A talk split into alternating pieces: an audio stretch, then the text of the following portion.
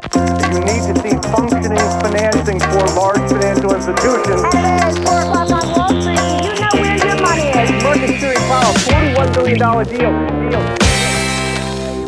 Senaste året har vi lärt oss nya termer såsom hemester, svemester och staycation. Och när man semestrar på hemmaplan så är det många som under vinterhalvåret åtminstone favoriserar skidbacken. Så även jag, samtidigt som allt fler hittar till fjällen och vill uppleva den faktiskt året runt. Den finns ju där hela året. Det här är en sweet spot för Skistar. Det här vill vi såklart veta mer om. Skistar är ett bolag listat på Midcap, ett marknadsvärde på strax över 11 miljarder. 22 004 ägare i ägarledet Avancianer nästan hälften avansianer, inte riktigt, ni är en bit över 50 000 har jag, har jag insett. Och med mig här i podden idag har jag VD Stefan Sjöstrand. Varmt välkommen till podden! Tack så hemskt mycket Niklas. Väldigt roligt att ha det här. Vi börjar från början. Vem är Stefan? Stefan är en 53-årig yngling som kommer från ett litet samhälle i Halland som heter Slöinge. Och eh, när vi spelade fotboll som unga så stod det ju på dekalen på bilarna, här kommer Pigga Slöinge. Och eh, så känns det. Och jag är uppvuxen på landet på en gård eh, utanför eh, Slöinge där eh, jag höll på med idrott som ung. Eh, åkte skidor tidigt och eh, fastnade för att vara entreprenör ganska tidigt. Jobbade som reseledare, varit i Alperna och gjort det. Men eh, föll in på säljarbanan och jobbade många år på ett företag som heter Malaco. Senare på Marabou. Eh, hade förmånen att få vara VD på OLV när jag var 29 år och eh, eh, tyckte det var fantastiskt att få hålla på med dagligvaror och chips och godis och andra snabbrörliga konsumentvaror. Vi hade ett eh, millennieskifte som attraherade mycket. För mig lockade det att eh, bygga någonting, att kanske bli rik och blev attraherad av att bli VD för ett bemanningsföretag för retail. Eh, gjorde det i fyra år och eh, senare så gick jag och blev VD för ett företag som heter Weibull som håller på med trädgårdsartiklar och det var egentligen det som ledde in mig på ett företag som heter IKEA. För att Ingvar Kamprad hade varit i Ryssland, jajamän, och eh, han hade varit på en varuhusöppning i Kazan i, och eh, där så visade det sig att det var mer av kunderna som besökte en konkurrent som hette Åby än vad det var till IKEA. Och traditionellt blev Ingvar lite irriterad på det. Så han eh, bad att få titta i kassarna vad kunderna hade köpt för någonting på Åby och då hade de köpt gröna växter. Och där och då bestämde sig Ingvar att IKEA måste bli bättre på gröna växter. Och eh, där blev jag eh, rekryterad då från min eh, tjänst som VD på Weibull så att eh, IKEA tyckte att jag kunde allt om växter och sa jag det kan jag inte alls men jag vet hur pipeline fungerar.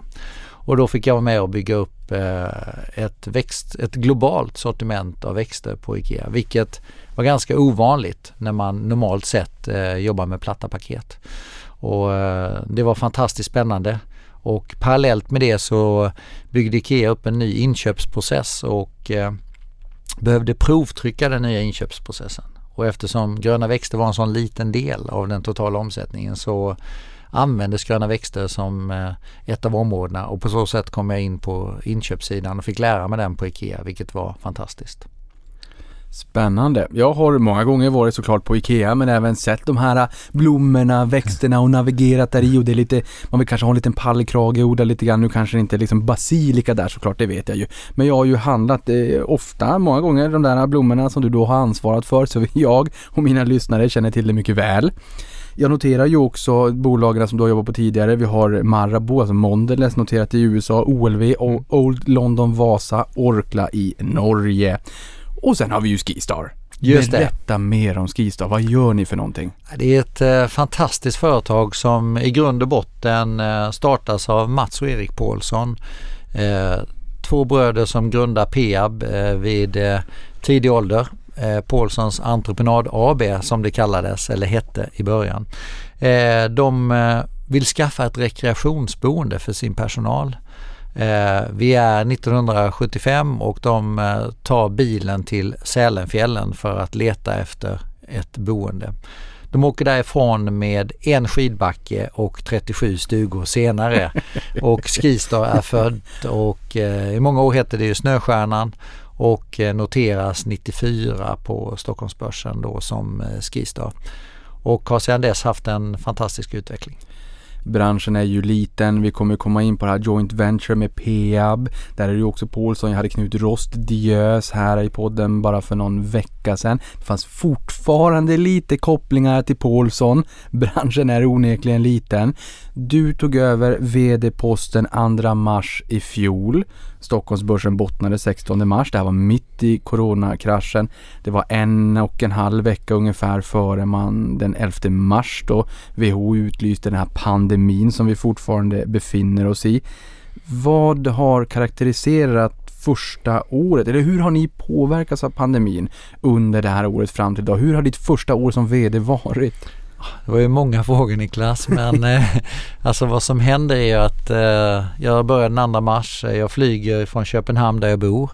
Eh, du bor där nu? Jag bor där Ja, nu okej. och eh, har gjort det i sex år eh, sedan jag flyttade tillbaka från eh, IKEA Kanada där jag var VD och eh, eh, hamnade i koncernledning på IKEA och Köpenhamn var ett väldigt bra plats att bo på. Jag var placerad i Malmö och eh, min familj har ju rest världen runt eh, förutom då Fantastiskt. Ja, ja, vi bodde ju i Holland några år, Frankrike några år, Kanada och i alla fall eh, när jag börjar på eh, Skistar, eh, jag flyger från eh, Köpenhamn till Oslo, tar en hyrbil, sätter mig på väg till Trysil för introduktion och är ju lycklig över att jag börjat mitt jobb.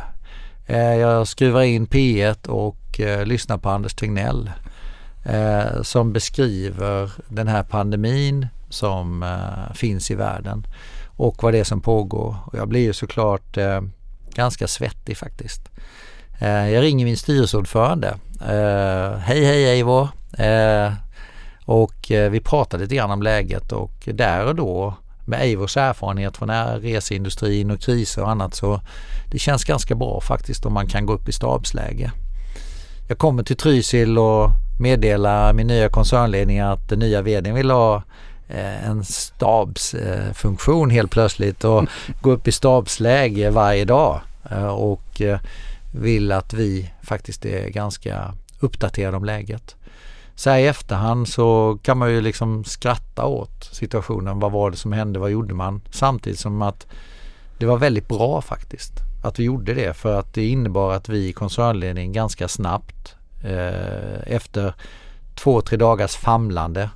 Eh, jag menar i början så diskuterade vi varifrån i Italien får man inte komma in i Skistar om man har varit på semester och vi hade medarbetare som hade varit i Lombardien. Nej, där fick man inte jobba hos oss om man hade varit där. Och den typen av frågor diskuterade vi i början, vilka länder var röda och sådär. Mot att det senare sen, det blev ju eh, mer och mer allvarligt för varje dag kan man säga och 9 mars fick vi besked ifrån eh, norska myndigheter att vi var tvingade att stänga våra anläggningar i Trysil och Hemsedal den 12 mars. Så bara några få dagar in på mitt nya jobb som eh, dels VD för Skistar, dels första gången jobb som börs-VD då, får meddela marknaden en vinstvarning och eh, det var ju såklart ganska så eh, allvarligt både för mig och för bolaget. Du kastades onekligen in i hetluften direkt. Jag förstår ju också att, jag menar, ni har ju lärt känna, jag tänker mig att någonting gott också kommer ur det här. Ni har ju lyckats parera det här väldigt bra och jag kan tänka mig också kommit ur som ett, ett starkare Skistar. Ni lämnade rapport här i, i morse också. Ni har nya satsningar, det är mycket på gång, vilket vi, vi kommer att komma in på. Men Verksamheten är ju indelad i två segment, drift av skidanläggningar och fastighetsutveckling och exploatering. Berätta om de två. Eh, när Mats och Erik de eh, grundar bolaget så eh, börjar man ju att förvärva en hel del mark i början och man fortsätter med det. Bolaget växer både då genom de här förvärven och i början är ju Sälen uppdelat i, i många olika skidområden. Eller det är man fortfarande i skidområden men, men i olika eh, ägarskap kan man säga och det är ju en jättekonkurrens mellan de olika områdena. Att är det Hundfjället eller är det Högfjället eller är det Lindvallen eller Tandådalen och, och Paulsson ser ju i Lindvallen och sen ganska snabbt så uh, går man samman då med Högfjället och sen Tandådalen, Hundfjället går samman och sen så alla de här fyra går tillsammans. Så på så sätt så skapar man sig ganska mycket mark. Eh, och eh, senare så förvärvas eh, Åre och eh, i köpet med Åre så följer Vemdalen med på köpet och det ägs då av Bure och där följer också en del mark med.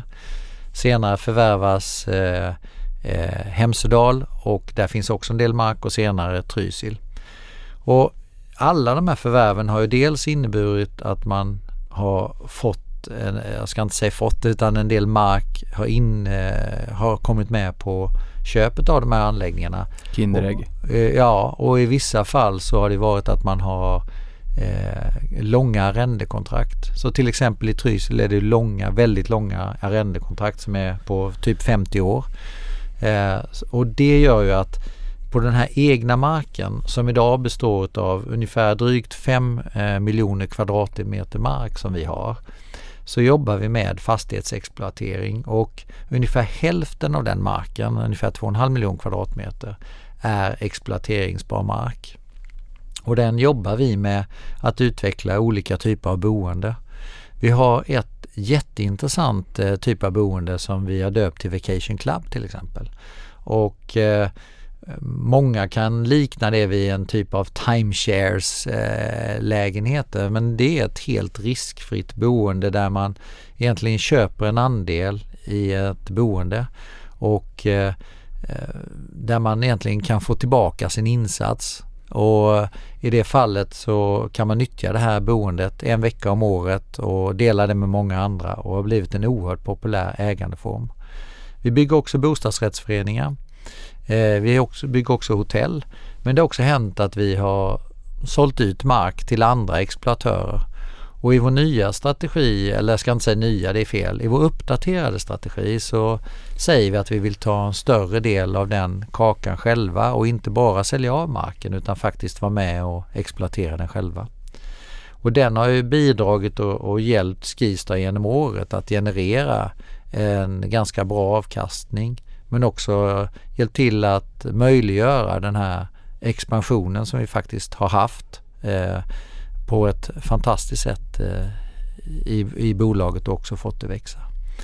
Den andra delen då drift av skidanläggningar det är ju idag eh, ännu så länge är det fortsatt eh, sex destinationer. Det är de tre största i Sverige. Det är Sälen, det är Åre och det är Vemdalen. I Norge är de två största det är Trysil och det är Hemsedal. Och sen eh, har vi fortsatt ett ägande i Sankt Johann i Tyrol eh, som vi är på väg att avyttra vår, eh, vårt ägande i.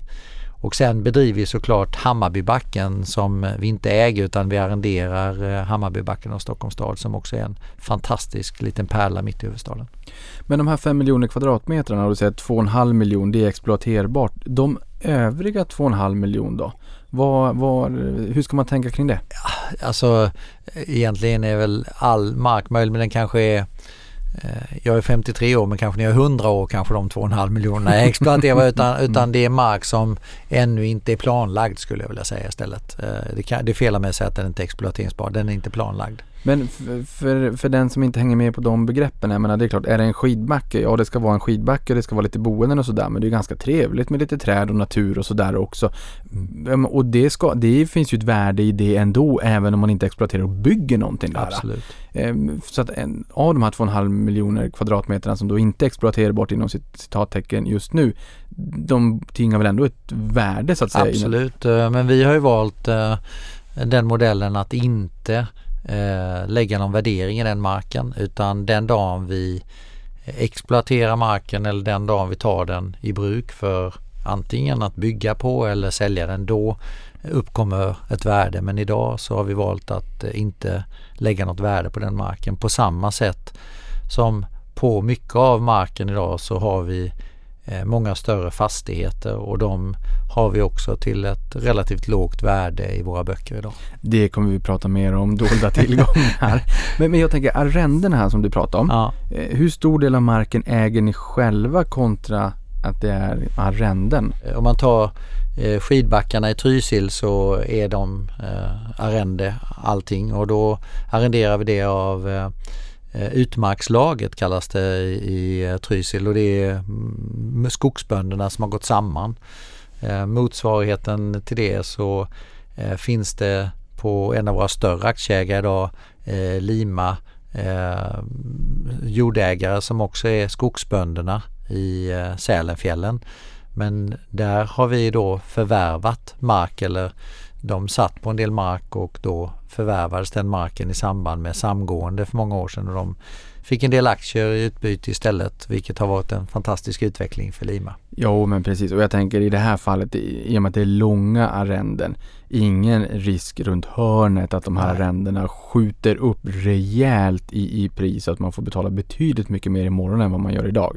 Nej, det finns tydliga avtal som reglerar det. Av de här två segmenten då, vilket är störst, vilket är lönsammast, vilket skulle du säga växer snabbast? Ja, alltså om man tittar på eh, fastighetsutvecklingssidan så är det ju ett segment som vi eh, har möjliggjort Skistars expansion egentligen och samtidigt så finns det ju någonting som eh, man kallar varma bäddar och det finns något som heter kalla bäddar i reseindustrin eller i besöksnäringen. Då. Och varma bäddar innebär en bädd som snurrar och för oss är det väldigt viktigt att det finns varma bäddar på våra destinationer. Och det betyder att de här bäddarna ska snurra för om de snurrar så eh, uppstår eh, möjligheten för gästen att köpa ett skipass och komma till våra anläggningar. Så att eh, om du Niklas har en stuga i Sälen och inte hyr ut den till någon annan än dig själv och besöker eh, Sälen två gånger om året eller två veckor om året Det snurras inte mycket. så snurras det inte mycket och du, det blir en väldigt kall bädd. Mm. Medan om du väljer att använda vår eh, bokningsmöjlighet och lägga ut att vi jobbar med vår ägarservice så kan vi snurra den bädden åt dig och eh, vi ger dig provision på att hyra ut den bädden och det innebär att den snurrar och vi kan få skipass-intäkter på den eh, bädden. Vilket är det vi hoppas på såklart.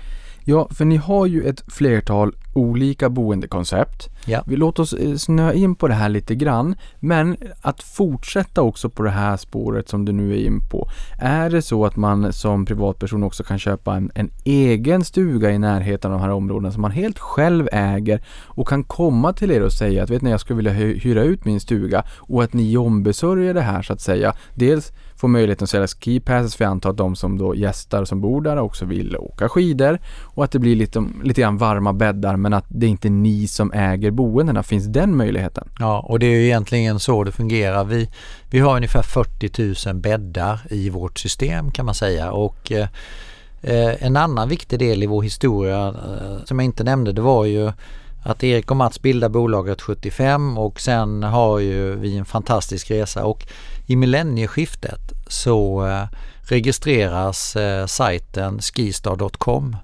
och eh, Torvald Svedrup som då var VD på bolaget, jag tror inte Torvald förstod riktigt hur smart han var eller så gjorde han det och var väldigt framåtlutad. Men det är ju det, det som är navet idag i hela Skistars distributionsplattform. Hur vi egentligen då har integrerat allt vertikalt och eh, i den här integra, vad säger, vertikala integrationen så, så sitter skistar.com som ett nav. Eh, där har vi våra 40 000 bäddar och där kan gästen dels boka sitt boende, eh, man kan boka skidskola, skipass, skidhyra, egentligen allt man vill ha med på sin semester. Och konkurrenter till oss är ju Booking.com till exempel eh, Eh, eller andra typer av resesajter. Och eh, för oss är det här en enorm asset och ibland tror jag inte riktigt alla förstår vilken eh, fantastisk produkt det är. Och vi, har 17, vi passerade faktiskt förra veckan 17 miljoner besökare på skistar.com och vi har också 1,4 miljoner medlemmar i My Skistar som är våran då medlemsklubb där man laddar ner den här appen My Skistar. Där anger man också namn, ålder, kön, vikt, längd eh, och också kan samla poäng, man kan samla pins och i den här appen finns också en hel del eh, matnyttig information om destinationen. Det kan finnas pistkartor. Eh, I förra året i takt med pandemin så utvecklade vi den här appen ännu mer för att gästen skulle få ännu mer upplysningar och det innebar också att medlemsantalet stack iväg ganska ordentligt. Jag hör ju det ja. För 1,4 miljoner var det inte i de tidigare redovisningarna. Grattis! Vilken Tack. skjuts ni har haft! Ja, Riktigt, riktigt kul att höra. Och jag tänker här också, den här vertikala integrationen. Jag förstår ju att den är jätteintressant för att varför ska man dela med sig av kakan till ett booking.com eller hotels.com eller vad den kan tänkas vara. När det är ni som sitter, sitter på de stora eh, destinationerna dit man vill åka för att åka skidor. Den här, för att öka konverteringen här, och jag menar som småbarnsförälder, det är bättre hälft som är bättre på planering. Men man vill ha allting klart. Det ska vara boende och skidorna ska ligga där äh, på, på, på sängen eller på att säga. Det ska stå där när man kommer fram. Man vill ha transporterna färdiga. Man vill kanske ha några matbiljetter. Liftkorten ska bara vara klara. Hur gör ni för att liksom förenkla för kunderna och skapa en mer smärtfri upplevelse samtidigt som ni också ökar konverteringen när kunderna besöker skistar.com? Jag, jag tycker det är, en, det är en jätteintressant och bra fråga. Jag var ju med på mitt första koncernledningsmöte innan jag hade börjat på Skistar och eh, eh jag sitter då och lyssnar på hur vi planerar att införa digitala incheckningsmöjligheter för våra gäster. Det här är januari 2020. Eh, möts faktiskt av ganska mycket skepsis av delar av koncernledningar. Det kommer aldrig gå, det kommer bli tufft, hur ska det där fungera? Det presenteras också att vi ska digitalisera våra skipass. Nej, det får vi nog vänta med. Det kommer aldrig gå. Eh, är vi verkligen mogna för det? Eh, det som är så oerhört intressant är ju att den här, här fruktansvärda pandemin som vi alla har, har fått stå ut med i ett och ett halvt år har ju också inneburit möjligheter för många bolag. Och eftersom Skistar har legat så långt fram digitaliseringsmässigt så är ju alltid den här sista milen en, kan ju vara jobbig att gå ibland och den kan vara också enkel att gå men det finns en eh, kultur i Skistar att man kavlar upp och man eh, hjälps åt tillsammans och i det här fallet så det som var väldigt intressant var ju att låt oss se hur vi kan göra den här upplevelsen ännu bättre. Så till exempel det här med digital incheckning det blev plötsligt inte en frågan om eh, om vi skulle göra det utan det var när och hur snabbt vi kunde göra det. Så redan förra sommaren testkörde vi den produkten eh, och eh, sen kunde vi rulla ut den inför den här vintersäsongen. Och det innebar att all incheckning sköttes digitalt på Skistar i vinter och det var ju helt fantastiskt. Och tidigare hade vi ju haft massa receptioner och massa bemannade receptioner som plötsligt Eh, inte behövdes på det sättet och det innebär att man kunde effektivisera verksamheten men i år då valde vi att ah, faktiskt använda all den personalen i kundmötet, i gästmötet, ute i liftarna, ute på, ja, på fältet på ett helt annat sätt. Men här ser vi en möjlighet att effektivisera vår verksamhet också på sikt. Sen det här med skipass och Eh, Skipass har alltid sålts eh, i luckan om man säger så. Eh, man har alltid kunnat boka sitt skipass digitalt men nu helt plötsligt så kan du faktiskt ladda ner ditt skipass digitalt. Eh, du kan göra det i telefonen och sen fortfarande behövs den där plastbrickan eh, och, och där jobbar vi på olika lösningar för där utmaningen är ju de här batterierna i telefonerna som om det är kallt ute faktiskt eh, gör att telefonen slocknar och då, då funkar inte ditt skipass och det är ingen bra lösning. Så att vi, vi ser vad vi kan hitta för lösningar men vi jobbar på det och, och vi kommer hitta en lösning på det också. Ja det här är ju superintressant. Jag inser ju att mina siffror är väldigt obsoleta för jag, jag tittade tyvärr, ja, jag får ju säga så här, ni kom ju faktiskt med en rapport nu på morgonen då. Men dessförinnan såg jag förra året så var det 850 000 kunder som hade laddat ner apparna och kundklubben My Skistar då har närmare sig en miljon medlemmar, 1,4 nu då. Eh, hur arbetar ni mer för att skapa kundlojalitet? Jag menar att bibehålla relationen under året fram till nästa vintersäsong. Nu är det ju också sommarsäsongen som är högaktuell med en ny Mm. satsning. Vi kommer in på det. Men hur arbetar ni med att liksom bibehålla en stark kundlojalitet? Och tillbaka då till eh, att vi, vi kommer från ett läge där vi är bra riggade om man säger så. Vi är bra väl framme, vi är väl digitaliserade. Sen eh, är det ju alltid frågan om vad är det som tar oss till nästa nivå och här känner jag ju då när man kommer från andra branscher. Jag är ju ingen, eh, som många av, mina företrädare som, som har kanske varit gamla alpinister så är jag ingen alpinist. Däremot så kommer jag ifrån en värld eh, med kunden i centrum och kunden i fokus. Och det är väl det jag tar med mig in i, i det här bolaget. Eh, bland annat hoppas jag säga också. Och eh, eh, att då kunna använda all den här kunddatan som vi sitter på. Och här har vi ju beslutat oss för att investera och här investerar vi oerhört mycket just nu i eh, olika typer av CRM-lösningar. Och det gör att vi kommer kunna bli mycket mer träffsäkra i att nå ut till dig och din familj och att vi vet var du bodde förra året och hur kan vi tillsammans hjälpa dig att om du vill ha samma boende igen eller om du vill ha ett annat bättre boende eller om du vill komma till oss oftare än vad du har varit hos oss tidigare. Så vi jobbar intensivt med det just nu och vi har eh, börjat med att samla ner allting i ett eh, eh, Data BI och, och, och samla all kunddata. Vi har gjort ett kompetensskifte egentligen eh, under fjolåret också när vi, när vi hamnade i pandemin så bestämmer vi oss också, eller det blir en möjlighet för mig som ny VD att också eh, ändra i organisationen och vi eh, ändrar från att ha haft en del lokala lösningar till att hitta möjligheter där vi kan jag gillar inte ordet centralisera men däremot där vi kan hitta scale of economy. Det är väl ett bättre ord då på engelska i och för sig men där vi kan hitta de här stordriftsfördelarna. Då ska vi centralisera och ta hem och det gjorde vi. Och eh, vi gjorde också en del kompetensskifte så vi har anställt en del människor både CRM-chef och digitalchef men också data analytics-personer. Och det gör ju också att vi kan bli bättre på att hantera den data som vi faktiskt sitter på och göra det på ett eh, eh, både bra och effektivt sätt. Ungefär som ni gör på Avanza kan jag tänka mig. Ja, men alltså här är det ju möjlighet, att, eh, väldigt möjligt såklart att optimera intäkterna samtidigt som man som kund också känner att man får en bättre upplevelse och en ännu bättre bild av Skistar. Det här pratas ju mycket om i samhället. Den här individualiseringen, personaliseringen och att man behöver de systemen, inte minst datahavet och sen möjlighet också att kunna dra insights mm. Eh, av det här, all den här datan som ni genererar. Hur kommer ni göra det framåt? Så att ni investerar mycket i det här. Jag tänker appen, mm. en sån där grej. Jag vill kanske veta hur mycket jag åkte förra året kontra i år eller eh, utmana kompisarna eller just gamification mm. i positiv bemärkelse. Jag tänker att det finns en ganska stark stickiness för den här appen och den här möjligheten att, att komma närmare kunden på det mm. sättet också. Jag tycker att det här är jättespännande.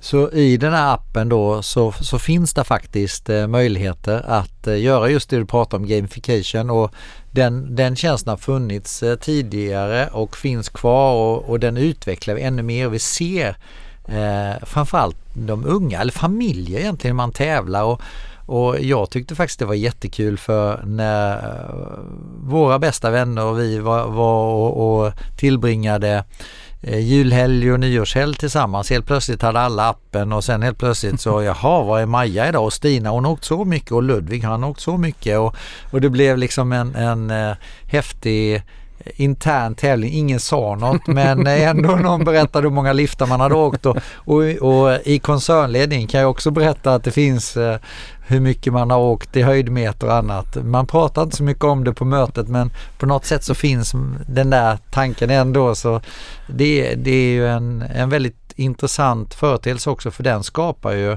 Dels har du tävlingsmomenten men för oss handlar det också om att få eh, människor i rörelse och aktivitet så det är ju eh, positiv bemärkelse. Väldigt roligt. Vi pratade om det här eh, att man kunde köpa in sig en andel då eh, och äga en mm. vecka om året sådär. Vad har ni mer för boendekoncept? För ni har ju ett antal olika alternativ. Mm. Eh, vi, alltså, dels så har vi ju som jag nämnde Vacation Club som är ett jättespännande koncept. Eh, sen har vi olika bostadsrättsföreningar som vi äger och ibland säljer av och bygger och säljer av. Eh, där man kan köpa sig en, en, ja, en andel, en bostadsrätt och sen då lämnar man över den bostadsrätten till oss så att vi förmedlar den bädden eh, till andra eh, gäster som kommer. Eh, sen eh, så kan du köpa din egen stuga som vi bygger. Vi eh, har precis öppnat upp till exempel, om jag, tar Sälen igen, det, det, det är alltid bra att ta eh, eh, område. Eller jag kan, nej, jag ska faktiskt ta ett annat område och det är i eh, Åre i Saden eh, har vi ju ett eh, fantastiskt koncept där vi började för några år sedan att, att eh, bebygga olika typer av eh, bostadsrätter som vi då säljer och eh, oerhört attraktivt område. Och där har vi också byggt en lift kopplat till det liksom. Så man bygger nya områden som är ski in, ski out, vilket är fantastiskt. Och sen då eh, har vi både ägt hotell själva och också tillsammans med andra. Och här har vi ju nyligen då aviserat en, en affär för att eh, dels kunna lätta av skulder ifrån eh, Skistars balansräkning men också då kunna möjliggöra framtida eh, ska säga, fortsatt expansion för Skistar i eh, fjällvärlden. Ja, för här är det ju ett joint venture, det är i miljardklassen med Peab. Ja. Hur, eh, hur mycket av era destinationer är liksom oexploaterade om man så säger. Vi pratar backar, destinationer, det kommer en ny backe här, det installeras en ny lift och sådär. Mm. För den som inte riktigt eh, har helt koll på alla era destinationer och så. Hur mycket är obyggt? Ja, men, eh, alltså det är ju, det beror ju på eh, som sagt vilken destination för vad vi, alltså tar du Åre som en ort till exempel, där äger vi själva relativt lite bäddar. Eh, där andra har byggt och exploaterat och kanske i mångt och mycket enligt Stefan då, min utsago, eh, finns det områden som tyvärr eh, har exploaterats för fort och utan eftertanke och på så sätt också eh, Eh, inte dragit nytta utav backarna på det sättet och därför ser vi ju gärna att man i samråd med oss eh, när man planerar att bygga ett område och man sitter på mark nära skidbacken faktiskt diskuterar hur kan man bygga detta bäst möjligt utifrån ett gästperspektiv och verkligen tänker ski in, ski out. Kan en pistmaskin köra in i detta området för att göra det här området ännu mer attraktivt för gästen? Och på så sätt kan ju faktiskt den exploatören eller ägaren av marken också få ut kanske mer av sin mark om man gör det tillsammans med oss istället för att bygga, bygga, bygga mm. eh, utan eftertanke och, och tyvärr tycker jag att det har skett på vissa platser men i mesta möjliga mån idag så upplever jag att man gör det här i samråd med oss. Men vad är en optimal mix då? Skidbacke, ski in, ski out, det var någon ICA-butik som skulle etableras här såg jag. Det är lite handel, det är lite restaurang eller åtminstone mm. matalternativ, lite afterski. Ja, men jag tycker det viktiga är att det finns en mix av allting. Eh, för att gästen behöver ju bekvämlighet och då kanske butiken är viktig. Eh, gästen vill ha restaurangutbudet, det är också jätteviktigt. Så att för oss är det viktigt att jag tror inte alltid vi kanske har varit eh, bäst på att eh, jobba tillsammans eh, på våra destinationer men pandemin har också medfört att vi kallade till vad vi själva döpte till samrådsmöten för ett år sedan för att diskutera, planera och också samverka för att kunna öppna tryggt och säkert tillsammans på våra destinationer. Så att det har också gjort att vi har kommit närmre, tror i alla fall jag då, näringen än vad vi var tidigare och det har också skapat en förståelse för Ibland tror jag det att Skistar uppfattas som stora stygga vargen kanske på, på någon av destinationerna som vi finns på. Men eh, vi tvingades att stänga förra året så kanske många också insåg att Skistar faktiskt har en ganska stor betydelse för destinationen. Att om liften stannar så stannar byn. Ja, det blir lite grann dragplåster. Ehm, förutom segmenterna som vi har pratat om så intäkterna, hur, mm. hur tjänar ni pengar? Hur fördelas era intäkter? Ja, alltså den här underbara diskussionen om våra skipass eh, är ju där, där egentligen där vi har våra största intäkter. Det är där vi eh, tjänar eh, den största delen av våra pengar. Vi har ungefär hälften av våra intäkter kommer från skipassförsäljning. Och sen är den fördelad på andra områden som till exempel skidskola som är en relativt liten del. Vi har skidhyra som är en jättespännande produkt. Vi har våra Skistar shoppar, alltså concept store där vi marknadsför olika typer av varumärken. Men vi har också eh, skistar.com där vi säljer på nätet och eh, en affär som växlar upp och blir mer och mer intressant och jag tror det är få som riktigt förstår faktiskt att, att eh, vi också är en retailer och att eh, vi säljer produkter på nätet vilket är en fantastisk affärsmöjlighet kopplat till det du pratade om innan här när vi talar om eh, kunddata och eh, helt plötsligt ha eh, en fantastisk möjlighet att kontakta kunden direkt. Då. Det tror jag, precis som du säger, du har ju såklart bättre koll på det än vad jag har. Men just att alla inte riktigt tänker på det. Mm. Det behöver inte vara så att man åker då till skidbacken och kommer in i boendet så att säga och att man använder shoppen av, av den anledningen att man behöver köpa någonting för sin resa när man åker till det.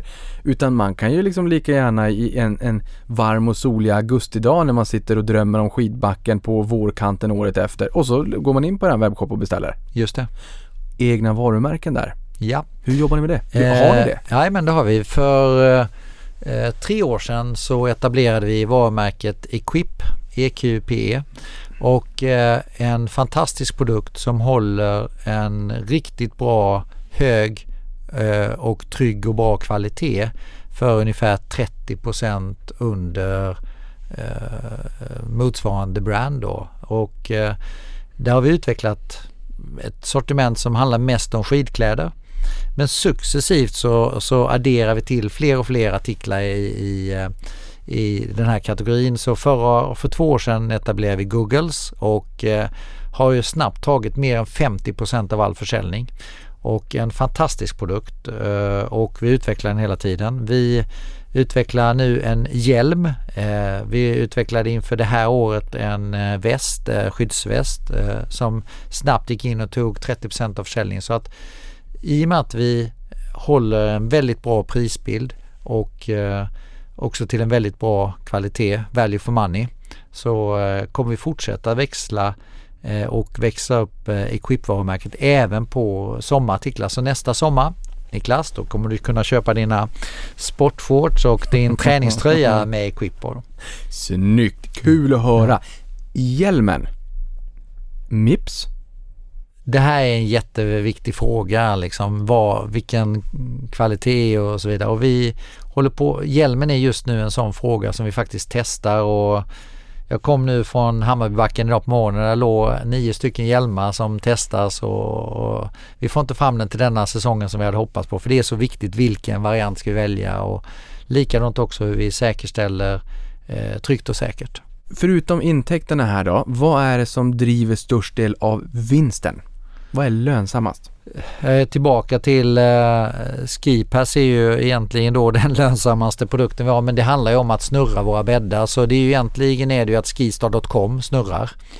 Eh, för i skistar.com så eh, vi har ju inte den här jättestora eh, vinsten på eh, eh, vårt boende som vi förmedlar utan vi tar ju eh, mellan 15 och 25 procents provision på, på eh, boendet och jag tror vi, vi snittar nog 17-18 ungefär på, på intäkter på det. Men vi har ju ganska höga kostnader för att bedriva den typen av ägarservice och eh, det är ju för att hjälpa gästerna och support, eller ägarna till det här boendet på, på bästa möjliga sätt. Och det kan ju vara allt ifrån att klippa gräset till att städa till att eh, byta ut eh, glas, tallrikar, eh, ja you name it. Så att det, du betalar egentligen en provision till oss baserat på vilken tjänst du vill ha utförd. Och, eh, så här, här, här har vi ju idag alldeles för svag lönsamhet men att då kunna snurra den här bädden är så viktigt för oss för att den gästen som kommer in i boendet kan då köpa ett skipass och på så sätt kan vi eh, sälja fler skipass. Så den är ju oerhört viktig för oss. Och det här är såklart intressant. Jag menar heta bäddar, det är ju ändå en katalysator för det. intjäning i hela paletten, hela det här smörgåsbordet, universet av intäktsmöjligheter. Och där blir jag ju såklart också nyfiken. Vad finns det för potentiella intäktsmöjligheter då kopplat till att ta en större del av kundens eh, plånbok. Men där kunden också känner att ja, ja, de här, det här hade jag ju handlat ändå, men ni gör det mycket enklare och smidigare med den vertikala integrationen. Det blir mycket mer sömlöst. Det blir, det förenklar för mig. Och, och där har vi ju då, eh, vi, har ju snar, vi har talat om några saker. Dels eh, skidhyran, att den kommer och levereras hem till eh, boendet till exempel. Och det i sig är ju en produkt som vi ser växa att istället för att jag behöver gå in och göra det på vägen någonstans eller släpa dem så finns de färdiga inburna till dig. En annan sak är ju eh, det här med shoppen, att jag kan faktiskt köpa kompletteringsartiklar och få dem levererade till min stuga eller mitt boende där jag finns. Men andra intressanta möjligheter, vi, vi har ju varit inne på det här med mark. Eh, Eh, en annan sak som jag tror jag kan ha bidragit med när jag kommer till Skistar är ju eh, sättet att jobba med affärsutveckling och, och göra det i en strukturerad process. Eh, och eh, att man eh, Ingvar som jag hade förmånen att få jobba med på IKEA eh, pratade också om att testa, test, fail and learn och eh, det upplever jag att vi har möjligheten att göra eh, på ett eh, ganska bra sätt. Och till exempel så, så sitter vi då på mycket mark och vi sa, skulle man kunna testa husbils eh, eh, ställplatser. Så vad vi gjorde i Sälen igen eh, var att vi testade att eh, ta en del mark som bara låg i träda. Eh, tog ner, sågade ner några träd och eh, öppnade upp för 50 ställplatser för husbilar. Som har visat sig vara oerhört populärt och då kan vi eh, använda den marken som normalt sett eh, kanske inte ska exploateras förrän om 10-15 år. Men då använder vi det till ställplatser för husbilar och genererar helt plötsligt nya varma bäddar, nya intäkter, kunna sälja mer skipass och eh, eh, den typen av eh, nya intäktsströmmar. Och sommaren då eh, är ju en annan verksamhet som vi nu då eh, under pandemin när vi gör en strategiöversyn så kommer vi ju fram till att sommaren är ju en potential för oss. Vi har ju använt de här bäddarna fem månader om året. Vi har en bra beläggningsgrad på våra bäddar på vintern. Men de står ju tomma på, på sommaren. Hur kan vi snurra bäddarna? Hur kan vi då hitta en, ett aktivitetspass på eh, sommaren? Hur kan vi hitta möjligheten för gästen att via skistar.com boka cykelhyra, boka tid i klätterpark, eh, att använda en skistar.com som navet för eh, också sommarverksamheten. Jo, det här är ju jättespännande. Men det här har ju alltid varit en diskussion med Skistar att det är tonvikt vintern, det hörs i namnet Skistar. eh, men, men samtidigt nu här med den här Skistar Sports and Adventures, det är en stor satsning med rapporten nu som kom, så inser jag att eh, bokningsläget inför sommaren är bättre än någonsin, upp 83 till och med vecka 23.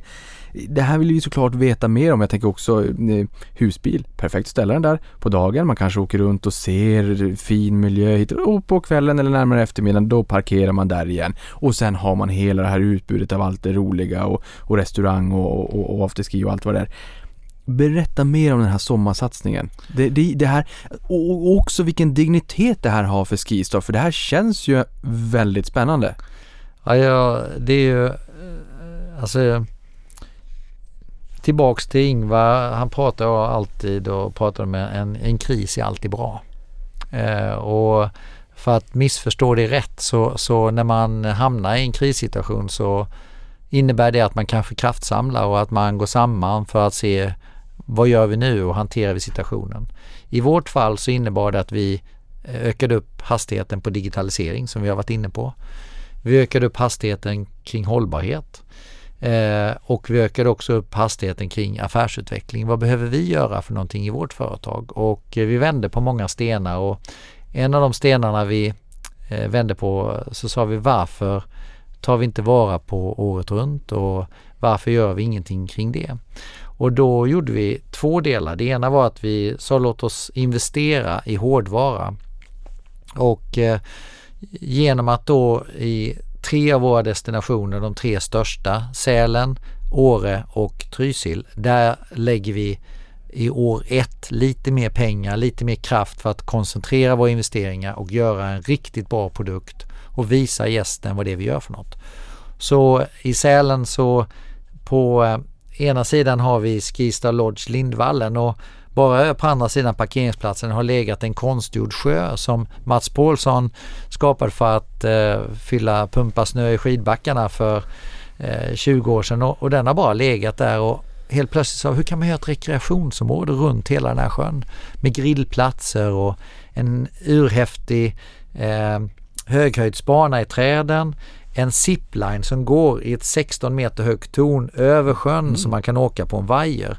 Att elljusspåret som man åker längdskidåkning på vintern, att man då gör lite coola kurvor, lite gupp och hopp och helt plötsligt bygger en cykelprodukt. Eh, att du bygger ett pumptrack, att du bygger paddelbanor precis kopplat till vår ski lodge och helt plötsligt så har du skapat en, en helt ny produkt. Åre Björnen, samma sak, eh, där vi haft cykelleder lite halvt om halvt satsar vi mer på cykeln. Vi gör dem bredare, vi gör dem mer attraktiva. Vi bygger en höghöjdsbana och helt plötsligt så har du skapat den hårdvaran då. Och eh, oerhört spännande genom att då eh, kunna ha en produkt som finns där för gästen att stanna några nätter till även på sommaren. Parallellt med det sa vi, hur kan vi göra en mjukvara då? Och vad är det då? Och då sa vi, hur kan vi hitta personer som är vad ska man säga, värdebaserade med Skistars värderingar och personer som står för någonting vi står för också. Och då eh, letade vi bland eh, före detta idrottsstjärnor om man säger så och kom fram till att Maria Pietelholmer som är före detta riktigt eh, duktig utförsåkare eh, alpint. Hennes man Hans Olsson, samma sak. Emil Jönsson och Anna Haag, ett eh, längdskidåkarpar. Eh, Jenny och Sanna Kallur som då har varit oerhört skickliga friidrottare. Helene Olafsen i Norge som är en av deras världsmästare i snowboard eh, tidigare. Och de här sju personerna är, gillar att träna, de gillar att röra på sig men de gillar också att äta gott och ta en fika och det viktigaste är inte att vara liksom superfit eller superatleten utan hur hittar du en balans mellan det goda livet och också det aktiva livet? Och det har varit väldigt viktigt för oss som också är kopplat sen till vår hållbarhetsstrategi. Att hur kan vi skapa mer aktivitet bland eh, våra gäster? Och den här sommarsatsningen har blivit att då Jenny och Sanna och Anna och Maria till exempel de skapar då en livsnjutarhelg, ett träningspaket, fyra dagar, en lång weekend och vi lägger ut den på skistar.com och det tar mindre än en vecka, bang slutsåld. Eh, och, och, det här är ju ingenting som, har, som är nytt egentligen, det har funnits tidigare men för Skistar är det här nytt. Och, så vad vi gör egentligen är att vi kapitaliserar egentligen på någonting som redan finns men vi paketerar det och vi gör det på våra anläggningar på vårat sätt och eh, jag känner mig oerhört eh, inspirerad av att jobba med de här individerna för de står för fantastiska saker och också hur vi tillsammans kan skapa någonting. Så det känns jättespännande. Men förutom det här liksom, eh, konceptualiseringen, paketeringen, kommer ni att paketera fler typer av resetyper framåt där det blir liksom det här paketet och man känner ah, perfekt, det där ser klockrent ut, Absolut och, och egentligen tror jag det är bara fantasin som sätter mm. gränser. Och, eh, jag har fått frågan idag av eh, olika analytiker och annat. Vad innebär det här? Och, och när man startar någonting nytt som vi gör på sommaren så det vi mäter då eller har mätt det är ju antal objektsnätter. Och tittar man då på eh, vad är en objektsnatt för någonting? Och då är det så här att eh, i Skistar när man bokar en natt så innebär det att kanske jag och min familj bokar den natten och så är vi ett antal personer i det boendet. Så vi har haft ungefär 500 000 objektsnätter på vintern på Skistar och det är det som är vår bas. Och vi har haft, förra året hade vi 48 000 nätter på sommaren så 548 000 nätter om man räknar så eller 550. Vad vi säger nu är att vi bedömer att den här sommarsatsningen den kommer på tre år att växa från de här 48 000 nätterna till 100 000 nätter. Och eh, normalt sett eh, innebär det att eh, en objektsnatt eh, är också på vintern en vecka medan på sommaren är det ju kortare tid. Och hur kan vi få gästen att stanna en natt till? Genom att stanna en natt till, göra en aktivitet till. Att höghöjdsbana idag Eh, äventyrsgolf imorgon och kanske cykling på, på torsdag. Så att det är det lite grann som vi försöker jobba med nu att öka antalet objektsnätter och den här bokningssiffran då 83% innebär ju då att vi ligger 83% bättre i år än vad vi gjorde vid samma tid förra året.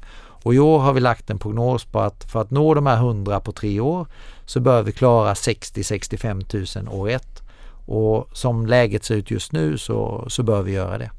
Det är jätteroligt att höra och jag menar, jag tänker också att de som kanske kommer in på sommaraktiviteten först kanske också sen hittar till vinteraktiviteterna och också faktiskt vice versa såklart. Så att det, här, det ska bli spännande att följa det här framåt oerhört roligt. Men för det här, tidigare har man också pratat om konferenser och sådär och det ju, kan, kan, ju vara ett sätt. Men att det inte riktigt har, har tagit fyr det här med, med sommarsäsongen. Så att därför, ja, det är kul att se ett ny, nytt Skistar växa fram. Jag antar att ni inte kommer byta namn till... Nej, det gör vi inte. eh, inte vad jag vet i alla fall. Men, nej, men Skistar varumärket är ju oerhört starkt och, och det som också känns bra under den här pandemin så har ju faktiskt vårt varumärke både stärkts utifrån likability och trust, eh, vilket såklart eh, eh, jag känner mig väldigt stolt över också. Det är ju inte bara era kunder som gillar er, det är ju faktiskt era anställda också. I fjol uppgick er genomsnittliga anställningstid för tillsvidareanställda till 14 år mm. och 8 av 10 medarbetare rekommenderar Skistar som arbetsgivare. Hur skulle du beskriva företagskulturen på Skistar? Det är en jättebra fråga och, och eh, när man eh, sitter och diskuterar ett uppdrag då som jag gjorde för ett och ett halvt år sedan om man var intresserad av att kliva på den här resan eller inte. Jag kommer från IKEA som är en eh, kultur som är fantastisk. Jag har jobbat där i nästan 15 år och haft möjlighet att träffa människor över hela världen och, och jag brukar alltid prata om eh, hur det luktar när man kommer in på ett företag och IKEA var alltid fantastiskt för att var och en kom i världen så, så uppfattade jag kulturen som oerhört stark. Och för mig har det varit samma sak när jag klev in på Skistar. Det är en eh, kultur som präglas utav eh, entreprenörskap och, och, också en känsla av att ingenting är omöjligt. Och eh, Det gör också att man alltid är glad över att träffa en kollega, en medarbetare på Skistar.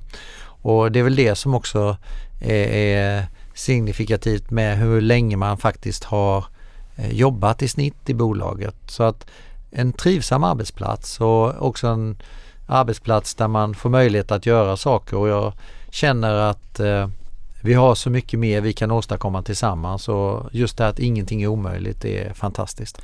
Kul att höra min kollega Johanna Kull här på Avanza, hon kan ju bara instämma. Hon har jobbat, ja, säsongare under många år, älskar skidor, skitnörd. Hon mm. eh, delar den uppfattningen, tycker att det är ett fantastiskt bolag. Då har jag hälsat det också. Ja. Snittintjäningen per kund då, hur, hur, ser den ut och hur, hur har den utvecklats historiskt? Eh, jag kan faktiskt inte svara på hur den har utvecklats historiskt. Om jag tittar på idag så är snittintäkten ungefär 200 250 kronor per skiddag då. Eh, och eh, det säger alltid Anders, min CFO, att den är för låg eh, i förhållande till, till, till, annat. Och, och, och jag, jag, tycker han har, han har faktiskt en poäng i, i det där. och, och jag misstänker väl att du snart kommer fråga mig om, om eh, skipass eh, eller någonting annat. Men vad jag tycker är intressant här och, och vad vi försöker jämföra vår produkt med är att eh, det är som väldigt mycket fokus på eh, priset på våra skipass och här säger vi att ja, vad kostar det nu Niklas för dig att åka som familj till Mallorca eller Gran Canaria vecka 9? Jo, med två barn, två vuxna kostar mellan 40 och 60 000 kronor. Plånboken blir tunn. Och välja då att åka till Sälen vecka 9 två vuxna, två barn så kostar det mig 20 000 och addera till då skidhyra också så kanske det kostar mig 24 och eh, jämför då med de 40 till 60 som det kostar att åka med en annan, en researrangör som inte fokuserar på Skandinavien utan någonting annat. Så klart att eh, allt är ju vad man jämför det med. Och Eh, där betalar man inget för skipasset utan då får man betala för någonting annat. Nej, och det här är intressant. Du har ju, du, uppenbarligen har du ju en manlig intuition för du förstod ju att jag skulle fråga om Nej, skipass. men jag kände på mig att vi började komma dit där du började fråga om de här frågorna. ja, och det, och det kommer ju såklart också. Jag menar, här aviserar ni ju nyligen prishöjningar på liftkorten för säsongen 21-22. Ni har ju brutit räkenskapsår och där menade man på, man hade räknat på, jag tror att det var Dagens Industri 3-4 procent eh, höjning här då.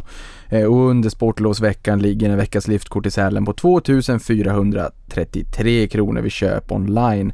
Det jag är intresserad av här, för nu har vi förstått att man får sätta saker och ting i relation det. och det exemplet som du drog, då inser man att det är ju prisvärt och man får fråga sig själv hur mycket glädje man får av att eh, liksom, de här minnena man skapar tillsammans med familjen när man är i Ore eller Sälen eller va- vart det då kan tänkas vara.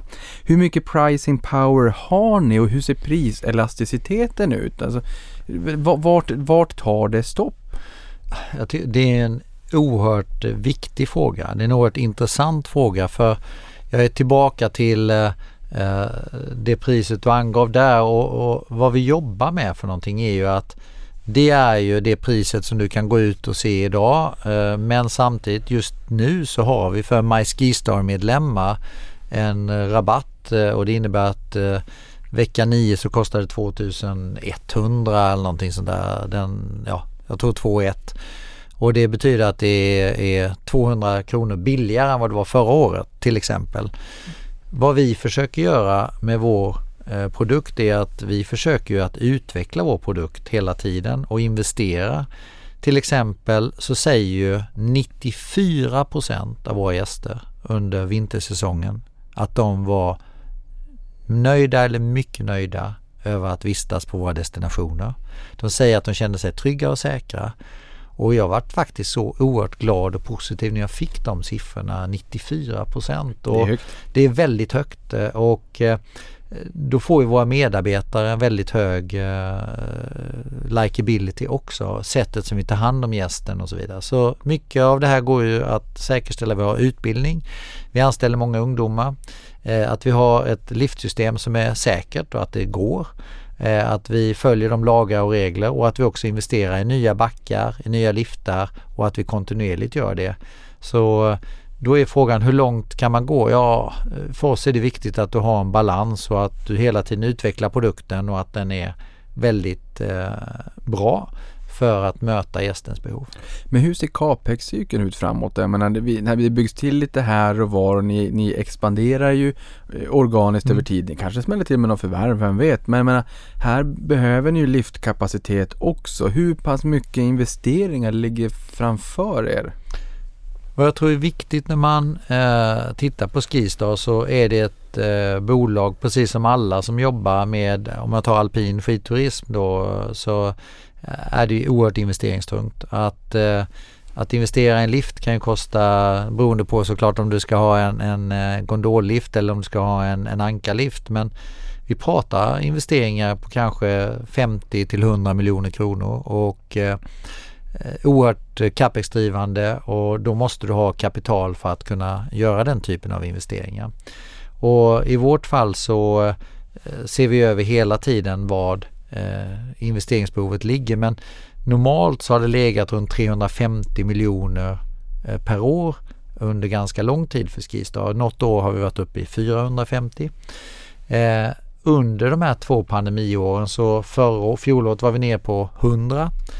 Idag har vi aviserat att vi faktiskt ökar upp investeringstakten för innevarande år och vi har höjt den nu till 150 vilket visar ju faktiskt att vi, vi frös ju alla investeringar i fjol men de 100 var nödvändiga om man säger så för att hålla en trygg och säker eh, drift igång. Men nu har vi, har vi ökat upp så vi har lättat upp investeringstakten men det föreligger eh, investeringsbehov i, i klassen, säg 350-400 miljoner i alla fall per år för att eh, underhålla våra anläggningar. Men är det också då för att underhålla anläggningen eller är det också nice to have investeringar för att öka total kapacitet lite grann och därmed också lite mera ökad intjäning för att ni kan ta hand om fler? Du sa, Ja, både det och modernisera också parken kan man säga. Vi har ju liftar som har varit i många år och, och det är viktigt att man också förnyar och moderniserar sin liftpark. vilken är då er viktigaste målgrupp och hur positionerar ni er i marknaden? Så det beror på, vi, vi sitter ju på eh, de eh, fem största skidorterna i Skandinavien och eh, då är det viktigt att se utifrån eh, vilken eh, ort är, eh, har olika positioner. Eh, tittar jag till exempel i Hemsedal som är en fantastisk skidort. Det är ju lite grann Skandinaviens alper med en eh, väl eh, etablerad ort med höga höjder, en eh, utmanande skidåkning och det är kanske inte dit man skickar barnfamiljen i första läget utan kanske den lite mer eh, jag ska säga utmanande skidåkaren som är lite vassare. Samtidigt så visst, vi har barnområden i Hemsedal också men det är lite mer avancerad skidåkning. Jämfört med då till exempel Sälen som är kanske barnfamiljens mecka där vi bedriver en av världens största skidskolor. Eh, Sälen är ju också för övrigt ett av världens största skidområden. Någonting som man kanske inte riktigt kan förknippa med Sverige och eh, är en fantastisk produkt och eh, någonting som vi kommer fortsätta utveckla och bygga ännu mer vidare på om styrkan för eh, att faktiskt eh, attrahera barnfamiljer. Så att varje ort har sin eh, ska man säga, unikitet och position. Och där Vemdalen har en blandning kan man ju säga med oerhört eh, attraktiv, jag ska inte säga aggressiv men eh, mer utmanande skidåkning i Klövsjö och där det är väldigt många landslagsläger och väldigt många läger för tävlingsskidåkare både på för och eftersäsong. För att Klövsjö är det väldigt mycket röda och svarta backar medan då världsmästarskidåkning kanske finns med i Björnrike om jag kallar den då det lite mer bredare backar och annan typ av skidåkning. Åker du, i, åker du själv i svarta backar? Absolut. jag tänker så här också, det, menar, det är klart att vanliga äh, människor eller vanliga privatpersoner äh, bokar ju resor och, och avnjuter era destinationer. Men business to business då? Är det så att liksom företagsbenet, är det obefintligt eller har ni? Vi har ju en, en gren som heter Skista Business och eh, vi har ju ett oerhört kompetent och duktigt gäng som sitter och jobbar med eh, Dels har vi en befintlig kunddatabas och, och den verksamheten tvärdog ju helt kan man säga i takt med pandemin men jag kom faktiskt och snackade med Joel idag som ansvar för det och, och, och eh, vi ser ju ett, eh, hur snabbt den här efterfrågan ökar upp nu. Inte de här jättegrupperna på 100 pers men däremot de här smågrupperna, de mindre bolagen 10-15 personer som då bokar på och eh, det känns jättespännande att se hur snabbt det tar fart. För lite grann som du och jag pratade om när vi innan vi startar sändningen om behovet av att ses, behovet av att träffas finns ju där och eh, det kommer inte minska i framtiden.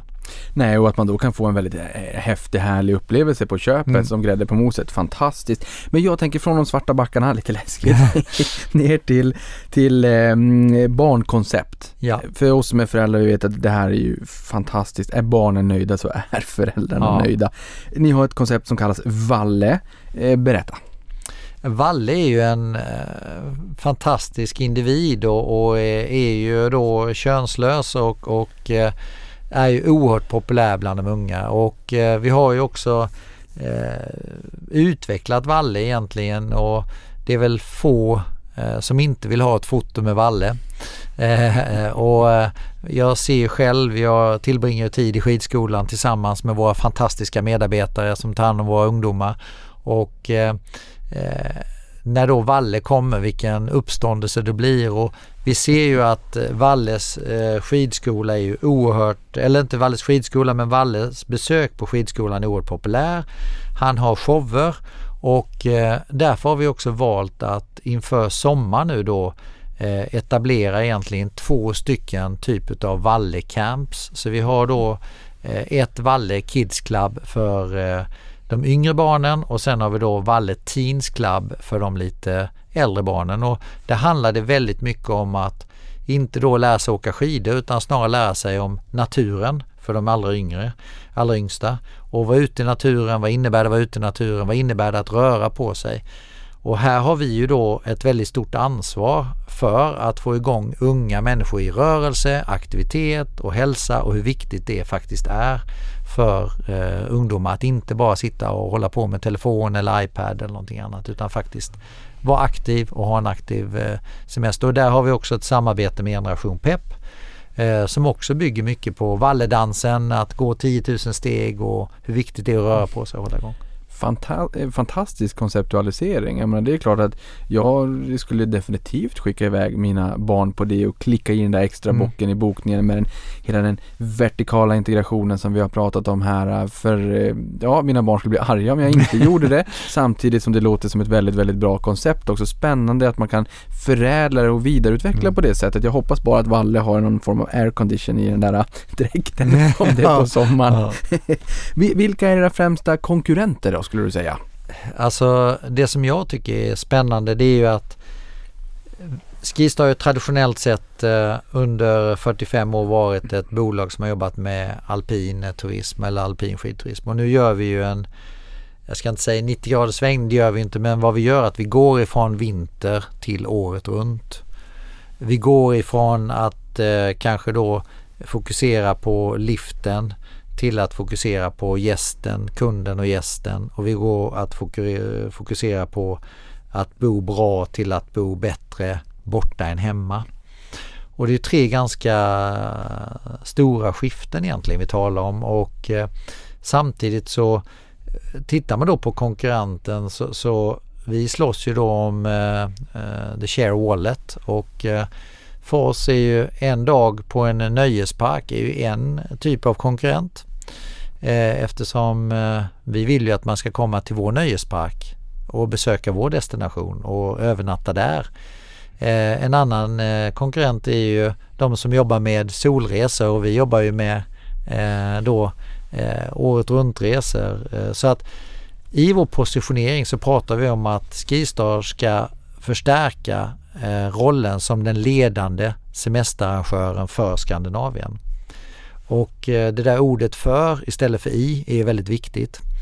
Eh, och för Skandinavien innebär ju att vi verkligen vill satsa på Skandinavien och Skandinavien är vår hemmamarknad. Och det är där vi bedömer att vi kan ha en året runt verksamhet. Även om då vintern är ju vårt DNA. Vintern är där vi kommer ha de största intäkterna. Men vi har konkurrenter som kanske en campingplats, eh, kanske en nöjespark, kanske då en solsemesterarrangör då. Ja, för här måste jag ändå bara backa bak. Sankt Johann, Ja. varför valde ni att trycka på sälknappen? när man gör den här strategiöversynen som vi gjorde i fjol så, så kan man se okej var finns Skistars eh, USPA någonstans och, och då är ju den vertikala integrationen styrkan egentligen i hela setupen och eh, den finns inte i Sankt Johann och den kan man ju diskutera, skulle vi gjort det annorlunda från början? Ja, kanske. Eh, men med tanke på att vi bara då har varit en liftoperatör där nere, vi har in, inte eh, vi, liksom, vi har inga varma bäddar överhuvudtaget. Eh, Skistar.com fungerar inte på samma sätt och, och så vidare och då kände vi att det är 3 av vår omsättning.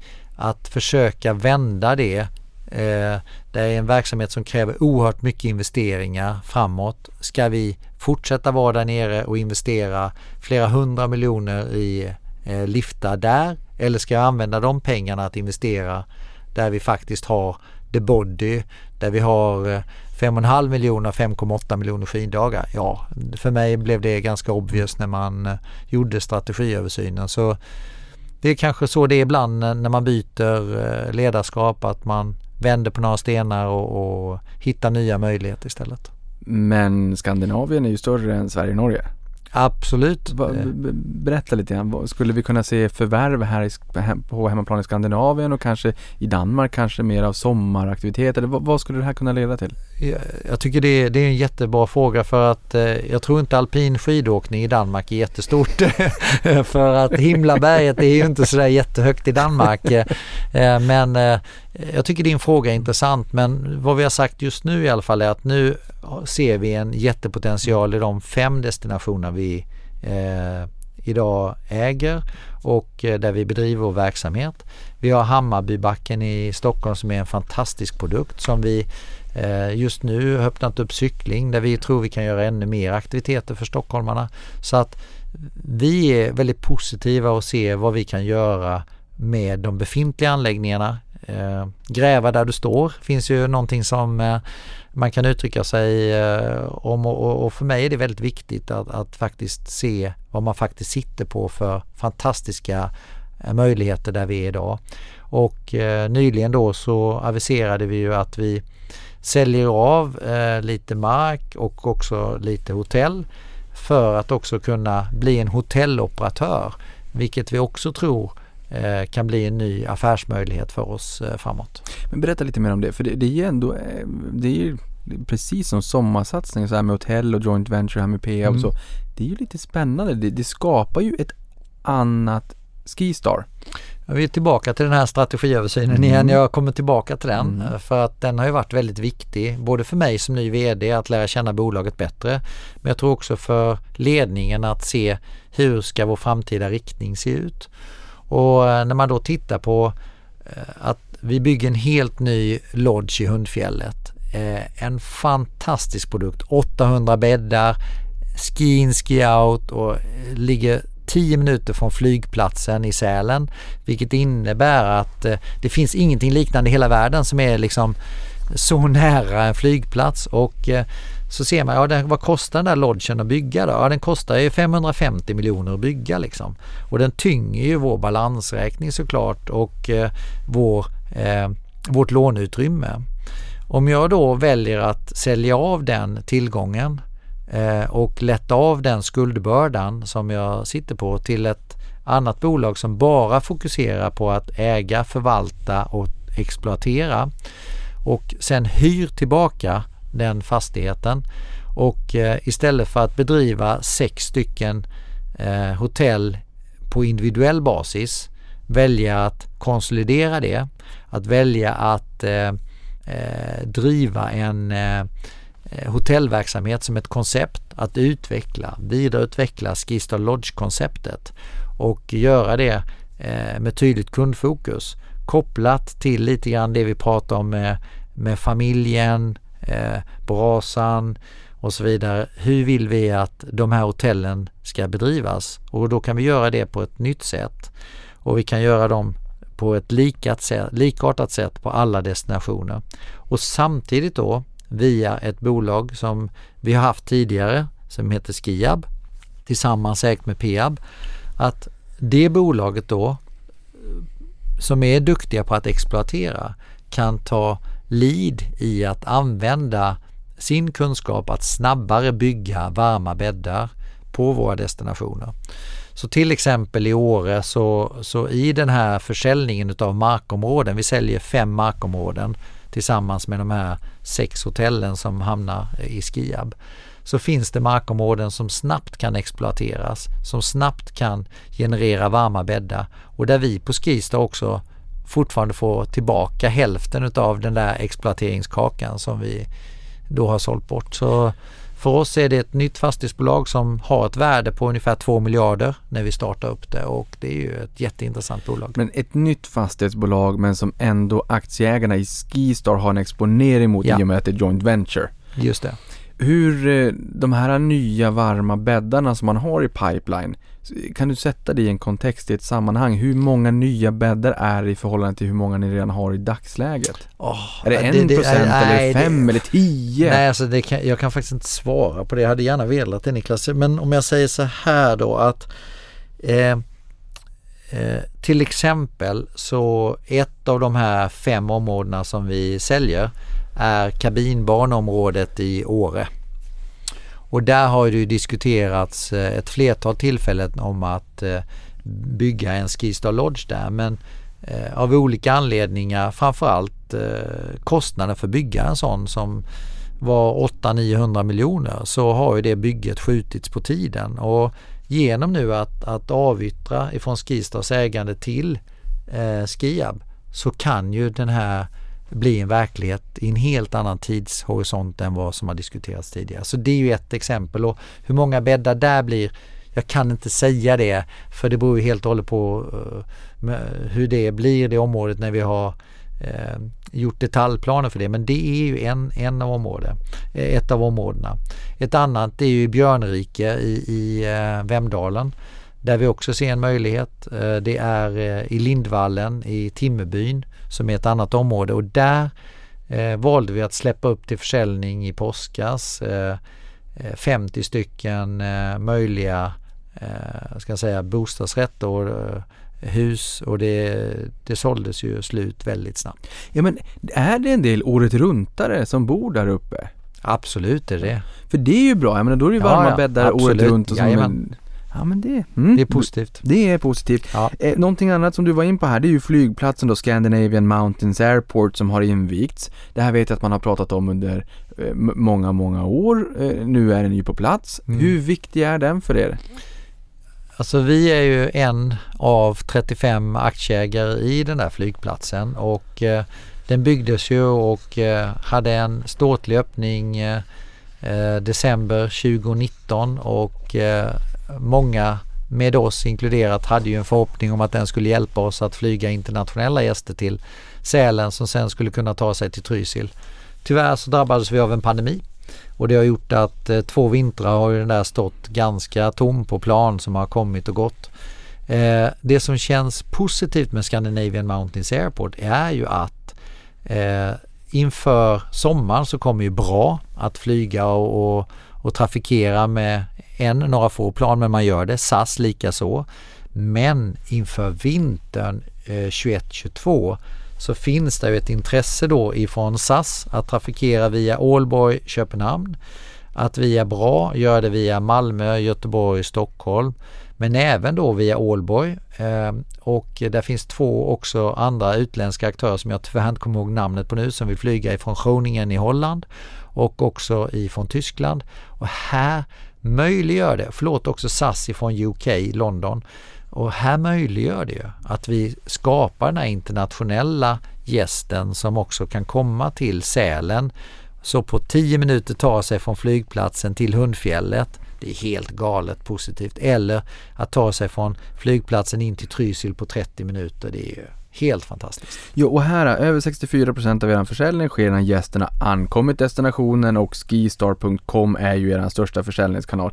Så här kan du då boka resan och det är Mm. upphämtning på flygplatsen, man körs till boendet, där ligger skidorna redan inburna och allting du kan tänkas behöva. Har du glömt vantarna hemma så i i appen eller på telefonen så knappar du hem Mm. och så ligger de också då så att säga när du kommer på, till, till, till, när du kommer fram. Ja. Här såg ni ju en försäljningstillväxt om 42% i fjol. Hur viktig är försäljningen i den här kanalen för er lönsamhet framåt? Ja, den är ju A och O, det är ju botten, det är liksom grunden i allt och, och här kan jag bara säga att här valde vi faktiskt att pausa investeringen i, i göra just den här paketeringen med resan eh, när pandemin kom och valde att fokusera den på CRM istället. Eh, men nu ser vi, ja nu kommer resandet igång igen och då kan vi öppna upp för att investera i den eh, bokningslösningen för gästen också kopplat till vår vertikala integration. Hur pass beroende är ni av utländska turister på era destinationer? Ja, det beror på vilka destinationer och vilka länder vi talar om. Men om vi tar eh, danska gäster är ju en, en kundgrupp som är oerhört viktig för oss på Skistar och eh, eh, det danska sportlovet vecka 7 är ju oerhört populärt att besöka de svenska destinationerna och vi har ju haft eh, 10-12% danska gäster eh, över tid och, och vi ser faktiskt nu i våra bokningar inför eh, eh nästa år där vi ligger då 30% upp. Det är helt... Jag, jag, tror det jag tror faktiskt inte alla har förstått idag vad det faktiskt innebär. Eh, förra året när vi presenterade vår rapport vid samma tid så hade vi det högsta bokningsläget någonsin. Då hade vi plus 1 nu pratar vi att vi har plus 30% Vi ligger alltså eh, i ett läge som gör att eh, oerhört positivt just nu att besöka vår destination för vintern. Och, så den danska gästen har återvänt och den är viktig för oss i Sverige och i Norge. Eh, den brittiska gästen är viktig för oss i Norge. Den svenska gästen är också viktig för oss i Norge. Så 80% av våra gäster i Trysil och Hemsedal kommer från icke norska gäster kan man säga då. Så i Norge är det mer viktigt med eh, internationella gäster än vad det är i Sverige då.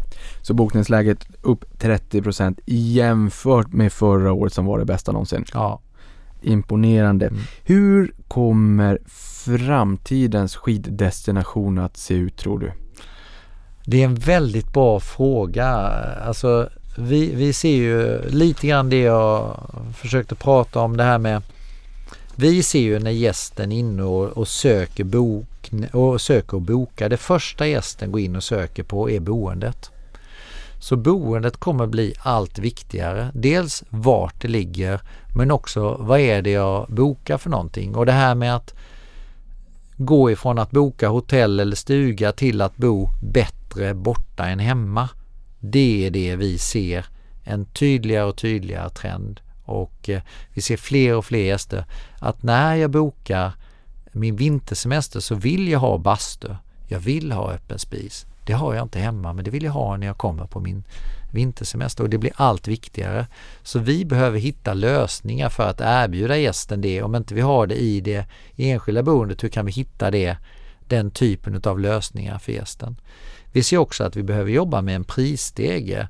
Eh, du pratade tidigare om att eh, Eh, hur hårt kan man eh, eh, prissätta ett skipass men för, för mig handlar det också om att var, vilken typ av boende finns också. Att den här husbils eh, campingen eller ställplatsen är ju en typ av boende också som kostar ett visst pris per natt och att du också har hela vägen upp till det mer attraktiva, kanske mer luxuösa boendet. Så att det är viktigt att det kommer finnas en prissteg i boendet också. Och den som inte vill följa med upp på den där svarta backen kan jag förstå kan spara lite grann. Nu har exakt, lite... exakt.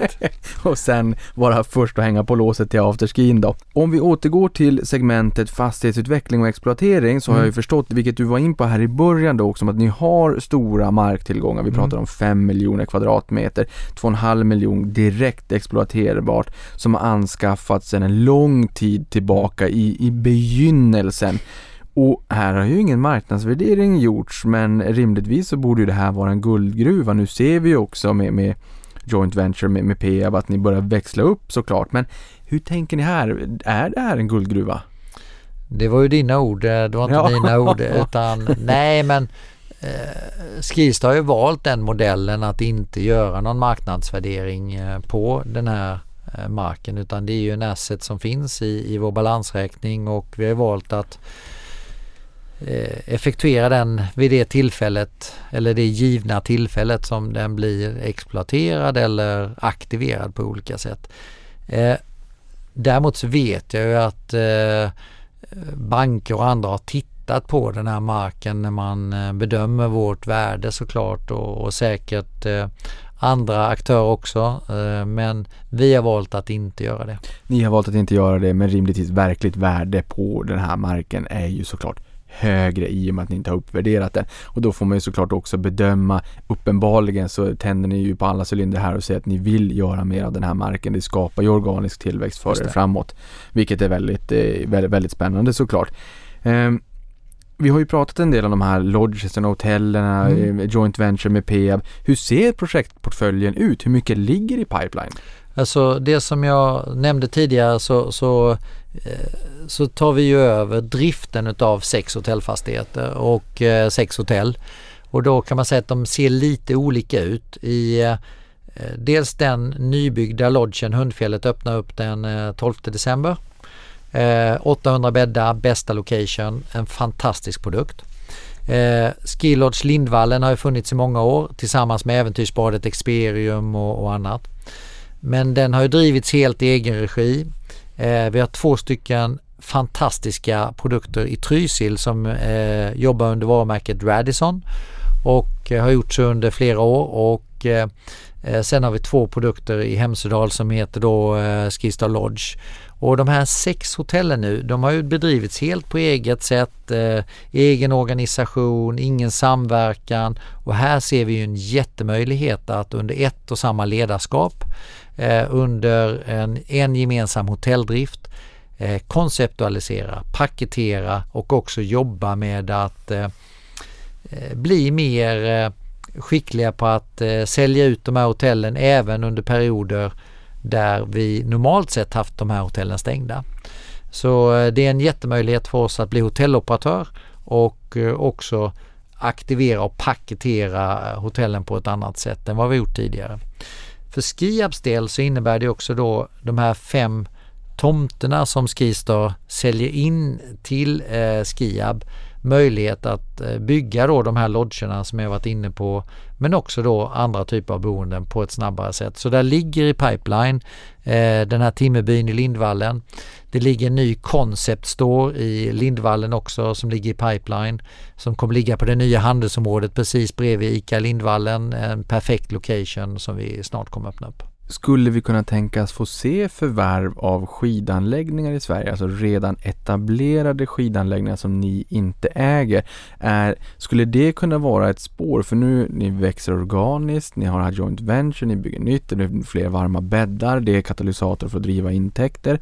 Men är förvärvsspåret, förvärvad tillväxt också ett, ett spår som är högst aktuellt? Alltså just nu så för det första vet jag inte om det finns några skidanläggningar till salu eh, och sen så för det andra så har vi ju sagt i vår strategi att eh, nu gräver vi där vi står och vi utvecklar produkten och vi går ju från vinter till året runt. Bara där ser vi ju en möjlig tillväxt. Eh, och, och sen vad den innebär i exakta tal, det är för tidigt att säga. Ni har det ni gör. Hur, hur kostsamt blir det om vi ser en snöfattig vinter då?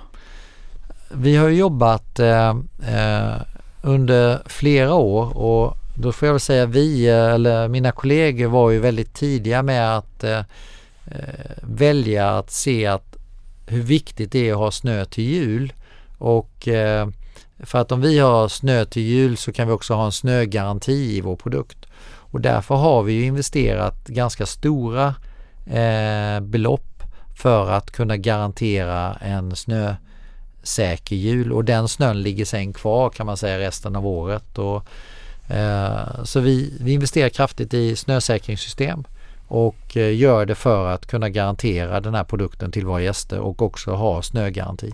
Jag har förstått att ett flertal länder har inomhusarenor. Mm. Är det här någonting som skulle vara aktuellt för Skistar? Just nu har det inte varit det. Det är ju oerhört, eh, alltså om det är dyrt att investera i en, eller dyrt, allt är ju relativt, men om det kostar 100 miljoner att investera i en lift så får du nog lägga till en nolla till för att investera i en inomhusanläggning. Och, I Dubai. Ja, exakt. solen lyser. Och jag menar det finns ju en skidtunnel i Torsby mm. som mm. har varit i salu sedan den byggdes och, och Eh, så det är ju inte jättelätt att få lönsamhet Nej. i den typen av anläggningar. Det låter som att ni fokuserar på rätt saker istället. Det där får någon annan göra. En fråga som har dykt upp också det är längdskidåkning. Det här har jag fått med mig ah. från Twitter också. Ah. Vad, hur tänker ni där? Kommer ni att på något sätt konceptualisera det här mer och hur gör man det i mm. sådana fall för att också kunna kapitalisera på det? Alltså för oss är det ju jätteviktigt att eh, alpin skidåkning det är det som är basen i vår verksamhet när det gäller vinter. Men vi har ju på alla våra destinationer eh, längdspår och de här längdspåren eh, är det ju oftast vi på Skistar som preparerar och drar och gör, det gör vi ju gratis. Men eh, det är slut på det för att eh, det går inte att göra, bedriva den typen av verksamhet gratis och det ser du ju bara jag såg här i vinter att åka runt golfbanan eh, på Täby Golfklubb kostade 220 kronor och, och eh, eh, vi behöver ju också intäkter för att överleva annars så kan vi inte bedriva vår verksamhet. Så vi har eh, på vissa av våra spår eh, på våra vinterdestinationer säkerställt nu att inför vintern då eh, kunna att antingen ingår de i det skipasset du köper om du köper ett veckoskipass till exempel eller kan du köpa då ett eh, dagpass där de ingår eller om du bara vill åka en gång och så vidare. Så vi kommer hitta en betalningsmodell för det. Men det är också viktigt att när man har den typen av produkter måste man ju erbjuda någonting och det är ju att spåren är väldigt bra. Att de är preparerade och är det ett belyst spår att lamporna faktiskt fungerar, att de inte är trasiga och att det också finns en vallabord där eh, spåret startar och slutar så att man verkligen har en entré till spåret och eh, de flesta av våra konkurrenter tar betalt för den här produkten och det ska Skistar också göra. Skistar.com utsedd till årets bästa resesajt för andra året i rad mm. kunde jag läsa årsredovisningen. Vilhelmina Skog-priset kunde man läsa där. Vad, vad har varit framgångsreceptet? Varför vann ni det två år i rad? Jag är väl tillbaka till eh, Eh, Torvald som inte riktigt förstod vad han gav sig in på 2000 när han eh, registrerade .com och, och all heder och hatten av för honom och organisationen som ledde bolaget då. Eh, för att vi har ju hela tiden vidareutvecklat sajten och alltså så oerhört stolt jag är över det teamet som då jobbar med tre årscyklar samtidigt. Eh, de håller ju på och, och jobbar med sommaren eh, nästa år, vintern om två Mm. år, drar in boende, hela tiden har den här sajten levande och nu att då erbjuda både sommar och vinter samtidigt, det har ju inte existerat i, i, i vår värld tidigare då att helt plötsligt ställa om och göra det. Det tror man bara är två knapptryckningar men det är det inte utan det är gänget tillsammans med alla andra i bolaget gör ju en heroisk insats och jag är så stolt över att få jobba med alla de här fantastiska människorna. Men har ni också, bara en kort fråga på det, lyckats med liksom den organisatoriska biten och få människor? Jag menar säsongare hör man ju ofta om, men det är kanske vintern då. Eh, har ni liksom personal så att det räcker för, för den här sommarsatsningen? Ja, vi, vi har ju, alltså det som är intressant är ju att vi har ju eh, 400 årsanställda som jobbar hos oss året runt och eh, Eh, förra året fick vi chansen att se hur många behövde vi för sommarprodukten då som var ju inte alls i, i jämförelse vad vi gör nu utan det var ju bara någon form av test och se och det gjorde vi mest med hjälp av fastanställda personal. I år har vi anställt eh, 300 säsongsanställda ungefär som vi testar och ser. Räcker det? Räcker det inte? Och, och det är ett sätt för att se. Men vi bedömer ju att det blir fler och fler som vill faktiskt, eh, det här möjliggör ju också året runt anställningar på ett annat sätt eh, och låt oss se vad det kan bli av det. Ja, precis. Områdena kommer leva ännu Ja. mera. Vad är de största riskerna framåt i Skistar? Oj, eh, det var en jättebra fråga. Den hade jag inte förberett mig på. Nej, men, men jag tror det är viktigt för oss att kunna säkerställa att vi har en produkt som är, Eh, ligger i nivå med det som är gästens förväntan. Och eh, där har vi ju ett jättestort ansvar att verkligen säkerställa att den produkten håller den klassen och den nivån som gästen förväntar sig. Och eh, det vet jag ju själv och jag är ju en person som rest mycket i mitt liv tidigare och att det är viktigt att man verkligen lever upp till gästmötet på bästa möjliga sätt. Så där är är ju en stor sak. Sen har vi ju en pandemi som vi har precis eh, i fem kvartal har vi fått rapportera om den här pandemin. Och jag tror inte den är helt över ännu. Vi ser nya utbrott av olika typer av kluster så att den rädslan som kommer finnas hos många av våra gäster framåt, det är viktigt att vi kommer kunna hantera på ett sätt som gör att gästen fortsatt känner sig trygg och säker. Hur arbetar ni med hållbarhet då? Du var in på det lite grann tidigare. Mm. Jag är jättestolt över att eh, vår styrelse antog vår hållbarhetsstrategi eh, eh, på styrelsemöte som vi hade i veckan som innebär egentligen en strategi som är lite bredare, lite mer uppdaterad än vad den har varit tidigare. Vi har jobbat med hållbarhet tidigare eh, på Skistar och gjort det väldigt fokuserat inom ett eh, smalare område. Nu har vi tagit ett större helhetsgrepp och vi har valt att dela in vår hållbarhetsstrategi i tre delar. Den ena handlar väldigt mycket om att vi vill skapa mer aktivitet och rörelse bland våra gäster. Och därför har vi ju alltid pratat om skiddagar och, och ett, ett vanligt år, om man kallar det ett vanligt år innan pandemin, så har Skistar haft 5,8 miljoner skiddagar. I fjol så blev det, eller den här vintersäsongen 4,4 och det beror ju på kraftigt tapp i Norge på, på 700 000 dagar och dess året för innan var det ju en stängning då av våra anläggningar. Och här säger vi att vi vill öka antalet skiddagar från den här basen 5,8 miljoner en bit över 6 miljoner skiddagar. Men till det vill vi addera aktivitetsdagar och aktivitetsdagar är dagar som vi kan ta betalt för i vår verksamhet och det kan vara cykling, det kan vara paddel, det kan vara eh, någon typ av aktivitet där jag ja, där jag aktiverar mig och där Skistar kan ta betalt. Men vi vill inte blanda ihop det med skiddagen för tidigare nämnde jag ju en intäkt på 250 kronor per dag i snitt för skipasset. Och om jag då eh, till en analytiker säger att jag ökar till 7 miljoner skiddagar eller aktivitetsdagar så kan man snabbt addera det till 250 och det går inte utan höghöjdsbanan kostar ju betydligt mindre eller ger oss en betydligt mindre intäkt än vad en skiddag ger. Så att Eh, vi, därför måste vi hålla isär dem men vi vill ändå hålla ihop dem för det handlar om aktivitet, det handlar om rörelse och det är det vi vill att våra gäster ska göra.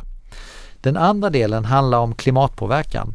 Så där har vi sagt ut i 2030 vill vi minska eller halvera vår klimatpåverkan med 50 procent då alltså till eh, mot vad vi är idag. Och där har vi gjort en omfattande analys var vi befinner oss idag och eh, där vi har sett att eh, till exempel eh, den största delen av, utsläppen som vi har i vår verksamhet är 35% kommer från gästernas resor till och från våra destinationer. Så hur kan vi vara med och påverka gästens resa till och från våra destinationer?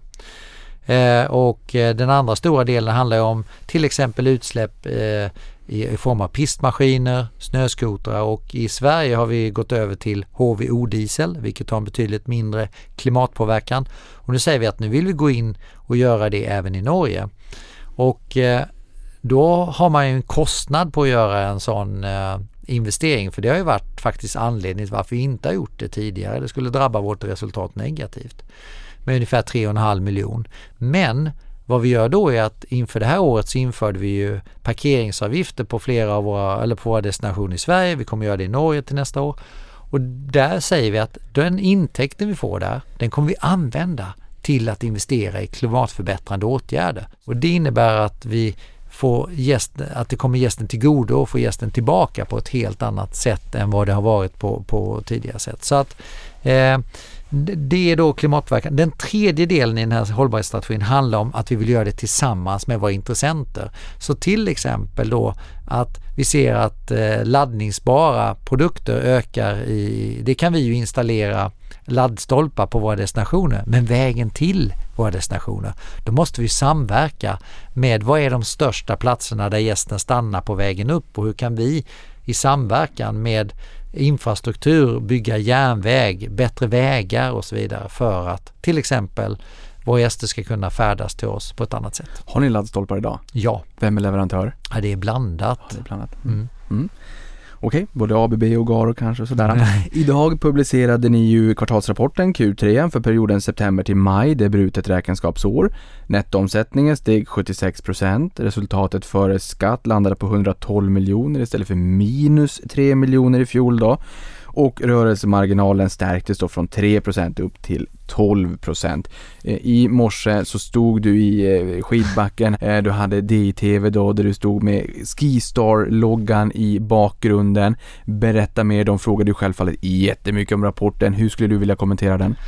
Alltså, jag är, det är nog ett av de mer händelserikaste kvartalen i, i Skistars historia eftersom vi aviserade ju både då en, eh, vi summerade vår vintersäsong där vi, jag är oerhört stolt över sättet vi har bedrivit vår vintersäsong och det sättet som våra medarbetare har gjort det på har varit helt makalöst och 94 eh, av våra gäster säger då att de är nöjda, mycket nöjda, de har känt sig trygga och säkra och det är ju bara det någon slags ja, enorm stolthet. Vi gör ett eh, positivt kassaflöde, vi tjänar pengar som du nämner tittade tittar du på många kollegor i besöksnäringen gör inte det. Och att stå här då och kunna eh, faktiskt säga att vi tjänar pengar mitt i en pandemi och det gör mig väldigt stolt. Den andra delen i det här är ju att prata om den här hemestertrenden. Och eh, att den inte bara finns här för att vi haft en pandemi utan den börjar redan 2017 och har bara förstärkts så att man vill semestra på hemmaplan. Och då kunna få presentera bokningsläge plus 30% för vintern plus 83 för sommaren. Igen, jag tror få förstår vad det innebär för, för eh, ett bolag som jobbar i besöksnäringen. Och sen sist men inte minst är att mitt under då arbete med att jobba med operations har vi också lyckats med en strategiuppdatering och lansera då både försäljning av Sankt Johann, eh, lansering av det här förstärkta samarbetet i Skiab som vi har gått igenom och eh, eh, göra allt det här samtidigt. Jag skulle vilja eh, säga very strong execution in Q3 om jag fick göra en egen värdering på vår insats. Eh, men våra medarbetare har gjort ett heroiskt arbete underbart och som du sagt mitt under en pandemi. Vilket, är, vilket eller vilka är de viktigaste nyckeltalen tycker du för att förstå Skistorm? Det är liksom, vad är viktigast att fokusera på? Alltså vi har ju eh, jobbat med fyra finansiella mål historiskt då och eh, vad den uppmärksamma personen ser ju nu i vår resultaträkning eller vår, vår redovisning eh, på sidan 17 säger jag i delårsrapporten så finns ju våra segment redovisade. Där finns en ny rad som heter logi som vi aldrig har redovisat tidigare som också redovisar en helt ny typ av intäkt.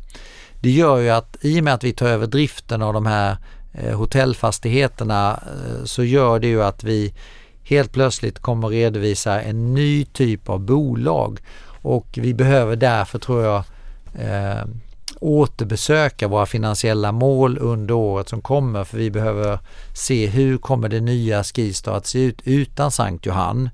Eh, hur kommer det nya Skistar att se ut med hotell och logidrift eh, och så vidare. Så att eh, ett viktigt mått för oss just nu är att se hur bokningsläget ser ut såklart eh, och eh, beläggningsgraden senare för våra hotell.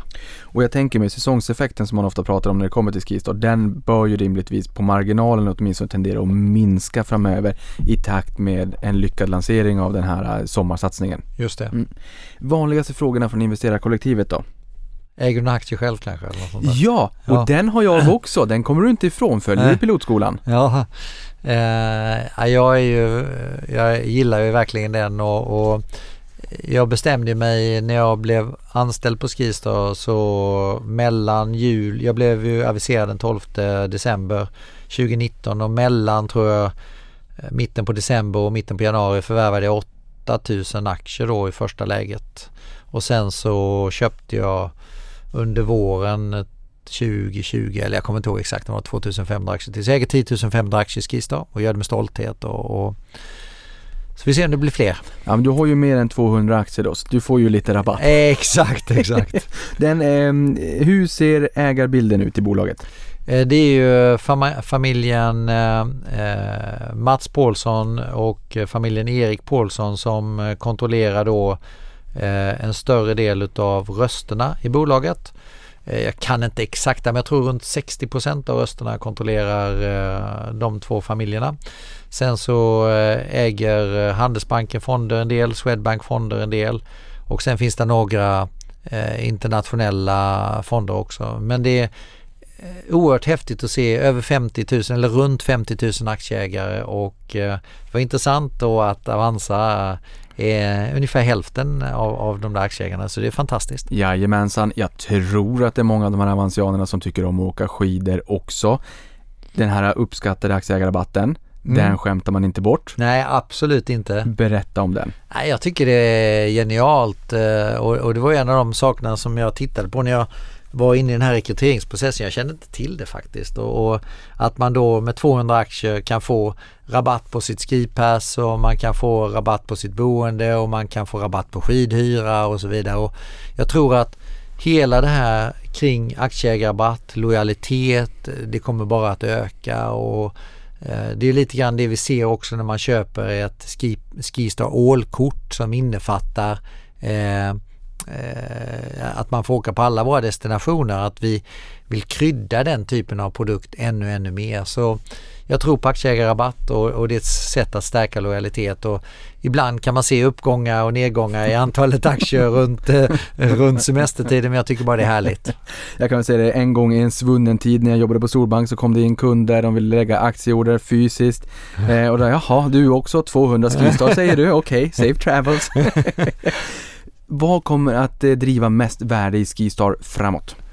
Eh, jag tror utvecklingen som vi gör nu och, och vår satsning på vår uppdaterade strategi kommer bli oerhört spännande att följa och jag hoppas också att eh, våra gäster kommer uppskatta det vi gör och att vi går verkligen från en traditionell vinterprodukt till en året runt-produkt. Och, eh, jag ser också möjligheter att semestra på hemmaplan som en jättemöjlighet för, för fler och fler och verkligen njuta. Jag hade ju aldrig varit i den svenska fjällvärlden på det sättet under sommartid innan jag klev på det här uppdraget och blev helt frälst, både jag och min fru eh, under förra året och det känns eh, superbra att få testa och se hur det kan vara som vi gör fjolåret och nu då blir det helt naturligt att vi ska till fjällen i sommar.